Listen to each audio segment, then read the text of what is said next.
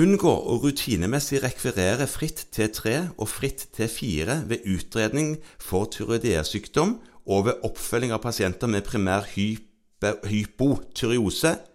TSH er tilstrekkelig i de fleste tilfeller. Ja. Det er et langt uh, råd som uh, kommer fra uh, Det kommer faktisk fra biokjemikerne. ja. De som kan en del om hvordan medisinske prøver oppfører seg. De kan ikke bare en del. Nei, det er de som kan mest om det. Det kan de veldig mye om. Og grunnen til at de gir dette rådet, er at fritt T3 i hvert fall, og fritt T4 ofte, Ja. gir mer rot enn visdom. Ja, hvor- hvor- eh, hvorfor det? Fordi det er litt raskt svingende prøver. De er påvirka av litt flere ting enn TSH, som er en litt mer sånn stabil underliggende prøve. Og denne stabile underliggende prøven, den er den vi bør styre etter.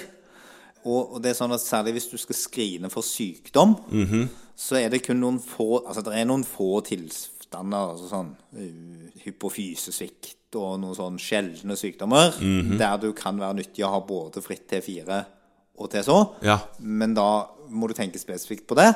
Eh, hvis du på en måte bare tenker at man føler seg litt trøtt og slapp og lurer på om stoffskiftet er lavt, Ja, Da holder det å ta TSH. Hvis da holder det å ta ja. Mm. Eh, fordi at disse to andre prøvene ofte svinger såpass mye at du risikerer å måtte ta mye repeterte prøver som er belastende både for pasienten og for samfunnet og for kostnadene og hele pakken. Ja. Og det samme gjelder når det gjelder behandling. Ja, da er det. TSH-nivåen vi styrer etter på Ja. hypotyreose, ukompliserte hypotyreoser.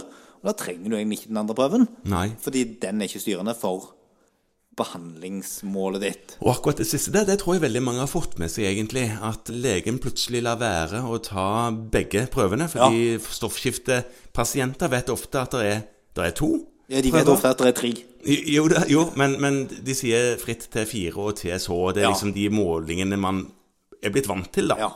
Men eh, når man begynner på stoffskiftemedisin for et lavt stoffskifte, altså hypotyreose, så holder det å ta TSH for å sjekke om behandlingen fortsatt er adekvat. Ja. Og det gjør det altså da i de langt fleste tilfellene.